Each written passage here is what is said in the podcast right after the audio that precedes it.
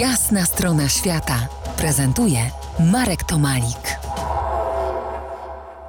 Moim gościem Andrzej Piętowski, podróżnik, kajakarz, zdobywca i odkrywca, wiceszef polskiego oddziału Explorers Club, szef legendarnej wyprawy kajakarzy górskich Cano Andes 79. Wspominaliśmy wcześniej, jak ta wyprawa pozmieniała wam życiorysy, trwale pozmieniała. Może zacznijmy od, y, od kierownika kajakowej wyprawy wszechczasów, od ciebie, od Andrzeja Piętowskiego. Do Polski y, w 1981 roku nie wróciłeś. Nie mogłeś czy nie chciałeś? Nie mogłem.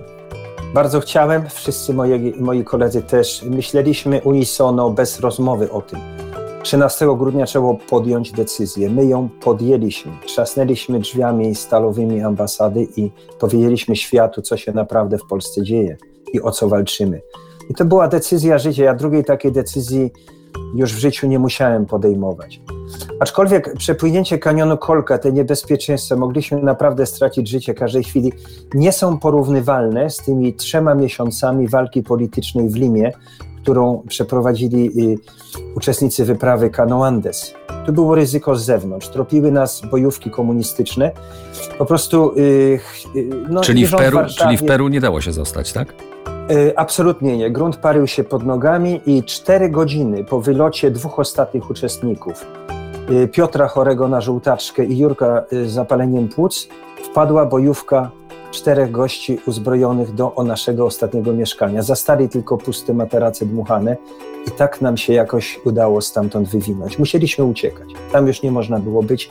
W Ameryce Południowej stracić życie, popłynąć jakąś wielką rzeką, to to, to nie jest problem. Po prostu te rzeczy się dzieją na porządku dziennym. I Stany Zjednoczone Ameryki otwarły Wam, Tobie, drzwi do nowego życia.